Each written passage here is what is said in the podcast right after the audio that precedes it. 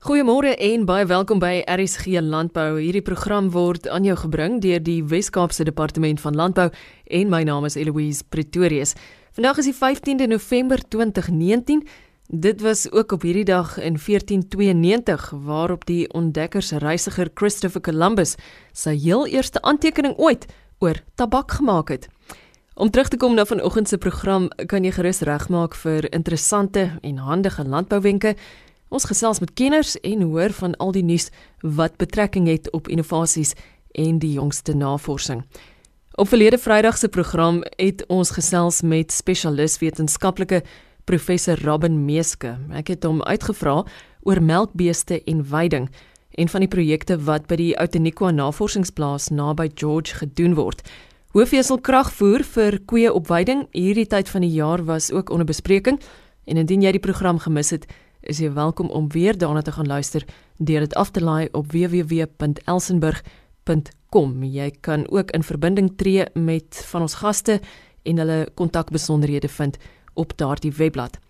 Sigrun Amman werk met die ontwikkeling van verbeterde veidingstelsels vir melkbeeste en is ook lid van die span by hierdie betrokke navorsingsplaas in die Suid-Kaap.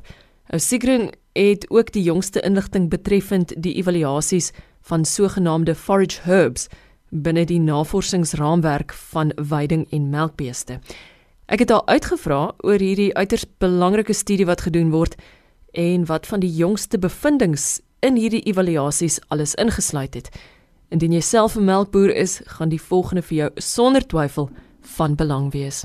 So we've continued with the forage herb evaluations. We started those evaluations in 2016, and those trials have now been running since then and are close to coming to a conclusion. Basically, what we've evaluated is chicory and narrow leafed plantain. The narrow leaf plantain is also known as lamb's tongue or in Afrikaans as small vierblaar of small blar plantago. And we've looked at various parameters, but the priority has been the dry matter yield. So, what has really been um, interesting is that we've discovered that these forage herbs have a huge yielding potential. But it must be said that is so under optimal conditions, so under irrigation, high fertility, really similar to what one would grow perennial ryegrass under those type of conditions. And basically after 24 months of growth, we found that the plantain can yield 50 tons dry matter for that 24 month period and the best chicories between 41 and 43 tons. So that is quite a substantial yield. And what was important as well is that when we break that yield down into the two years, there is a greater yield in the first year and there is a yield reduction in the second year, but that yield reduction is really depends on the variety and is not the same across the board. So for instance for plantain, the in the first year it yielded between 25 and 26 tons dry matter, uh, and in the second year, 24 tons. So that was about a 5% reduction in year two, which is not a lot at all. So it, it maintained its yielding capacity from year one to year two, which is an important criterion. For the chicory, it was very much variety specific. Some varieties that yielded not so much in the first year yielded the similar amount in, in the second year, whereas others that yielded a lot in the first year, uh, for instance, there were some that yielded 20, 23 tons in the first year and then 18 and a half tons in the second year. So that represents about a 20% reduction in the second year. So it's still a, a good yield in the second year. But what we really find helpful is that for the plantain, we're able to see that there's a stable yielding capacity over years. So that is an important criterion. And then, of course, the plantain and the chicory are summer active, so there's a lot of summer growth. For the first summer, you look, we, we found there's between seven and eight tons dry matter. In the second summer, six to seven tons, quite a lot of, of yield that can grow in the summer months, which is useful if it's matched with temperate grasses, which tend to, especially rye grasses, which tend to have a lower production in the summer months. We see that there's a different yield distribution for these forage herbs as there is maybe for the temperate pasture grasses as we have used them for many years.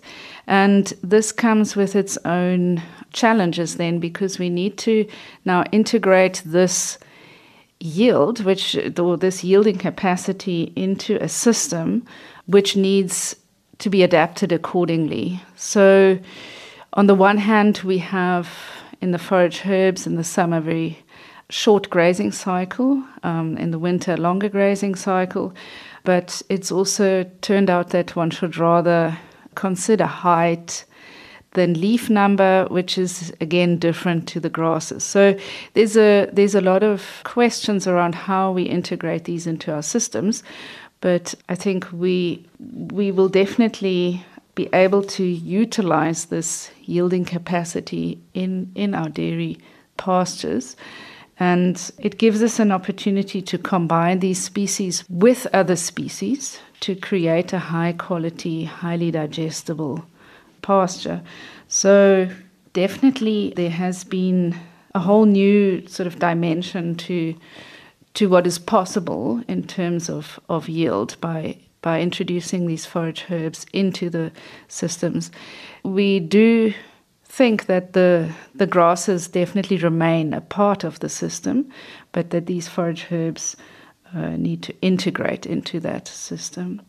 We also looked at the forage quality uh, because that was up to now, there hasn't been much data on that. And as we would expect, the fiber values are relatively low. So for winter and uh, late spring, the, the NDF values are below 35%, but in midsummer, they are between 35 and 40.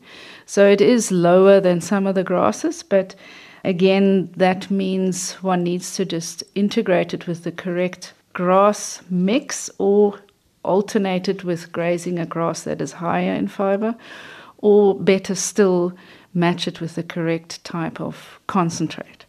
And we also found that the ash value is quite a lot higher. So, in a ryegrass, for instance, the ash, which is really all the minerals, would be between 10 and 12%, but for the herbs, it's between 14 and 16%.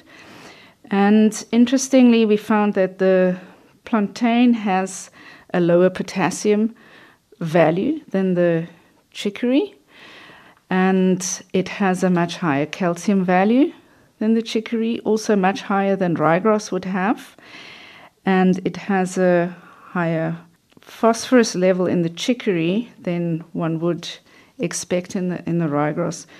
The magnesium also is is higher than in the grasses. So all this gives us a, a good ratio of minerals to each other, especially the calcium to phosphorus ratio looks very favorable.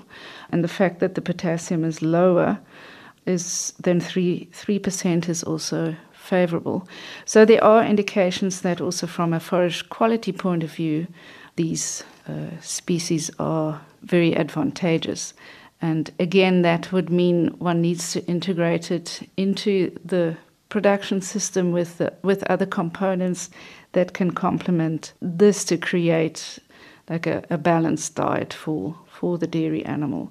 But again, it gives more opportunity to add a different dimension to the production system, also in terms of forage quality. That is basically what we have uh, learned up to now out of these evaluation trials.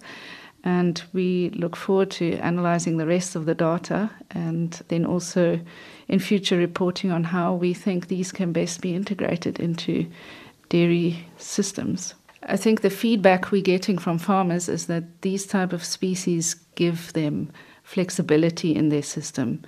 So, because they are so different to the temperate grasses, it allows them more flexibility, which I think is always a, a positive aspect, especially in our current climatic situation where things keep on changing. So flexibility helps us to improve the system. Well, I think it, it leads to more efficient production of, of our agricultural products. So that is basically our aim is to try and assist farmers to more efficiently produce their produce, be it in this case milk, and um, utilize their resources in the most efficient way. So with the same amount of water, how can we produce more grass? And that means more milk, and that means hopefully at a at a more um, or more efficiently, which which can only benefit everybody in the in the chains. So gesels spesialis wetenskaplike Sigrun Aman, kenner op die gebied van verbeterde veidingstelsels vir melkbeeste by die Outeniqua Navorsingsplaas net buite George in die Suid-Kaap.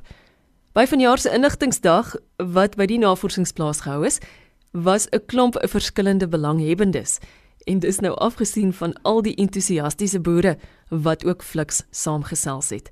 Een daarvan was ene Michelle de Lange en ek was baie bly om 'n woord met haar te kon wissel. Ek werk by die melkprodusente organisasie. Ek is redaktrise van die Dairy Mail, die maandelikse publikasie mondstuk van die melkbedryf en dan het ek ook 'n gedeelde portefeulje wat ek kyk na die digitale ehm um, strategie van die maatskappy en basies 'n ska skakelbeampte vir hulle optree. Die publikasie fokus mos maar daarop om vir die boere te vertel wat is daar buite en wat is vir hulle ehm um, van waarde, wat kan hulle behulpsaam wees om hulle besighede meer winsgewend te maak. En navorsing lê my baie na in die hart. Ek het 'n veekundige graad, so ek is lief vir die navorsing en dit is my lekker om weer 'n bietjie voete op die grond te sit en te kom hoor wat is daar buite wat ek vir die boere kan aanbied in die tydskrif. My beste antwoord is seker maar om te fokus op ehm um, wat maak ons melkbore volhoubaar. So enige slim planne om iets beter te doen, meer effektief te doen. Dalk iets wat jy al reeds doen, maar net 'n um, bietjie op 'n beter manier. Ehm um, ons kyk maar na ons hulpbronne. Ek meen die buzzwords, ons het nou vanoggend gehoor sustainability, ons het gehoor die watertekorte, so ek dink daar waar ons ons hulpbronne 'n bietjie kan spaar en beter uit kan kry met dit wat ons insit. So ja, bewaringslandbou is seker maar ons ons fokus. Oh, 2020 is 'n groot jaar in die melkdagboek. Ons het die wêreldspitsberaad hier by ons ehm um, wat in Suid-Afrika aangebied word, ook hier in die Wes-Kaap. So dis 'n jaar tot dit dan in Suid-Afrika aangebied word. Dis 'n groot geleentheid, so die melkbore moet dit nie mis nie. En dan kry hulle geleentheid om eerstehands met die internasionale kenners op die verskillende vakgebiede skouers te skuur. Goeie, ons boere is dan maar innoverend, hè. Hulle kan nou maar sulke slim planne beraam. Nuwe apparate wat hulle uitdink en uh nuwe planne wat hulle maak. So nee, ek dink ons staan definitief as dit nie voor is nie, 'n kort koppie voor. Uh, ons melkprodusente organisasie se webblad is www.mpo.co.za en hulle kan my gerus skakel. Ek is uh, hoor graag van die boere, ek hoor graag van die publiek. So my uh, e-posadres is tdm@agriconnect.co.za. Ek wil net vir die boere sê hou moed. Ehm um, gister het iemand my vertel dat die lewe is absoluut 'n siklus. Daar's die optye en die aftye en uh, as dit uh, moeilik gaan dan byt ons vas en as dit uh, weer bietjie beter gaan dan skep ons as dit papreën. En beslis iemand waarmee jy gerus kan skakel indien jy self 'n melkboer is. Gaan lees meer oor ons programme op www.elsenburg.com en indien jy ook enige voorstelle vir toekomsprogramme het, is jy baie welkom om van jou te laat hoor. Stuur gerus 'n e-pos. Môreoggend om kwart voor 12 hoor jy weer 'n storie van hoop en inspirasie wanneer ons met nog iemand in die landbousektor gesels oor die waardevolle bydraes wat deur hierdie innoverende groep mense gemaak word. Alle sukses vir jou op hierdie Vrydagoggend. Ek's Eloise Pretorius en ek groet jou. Tot môre.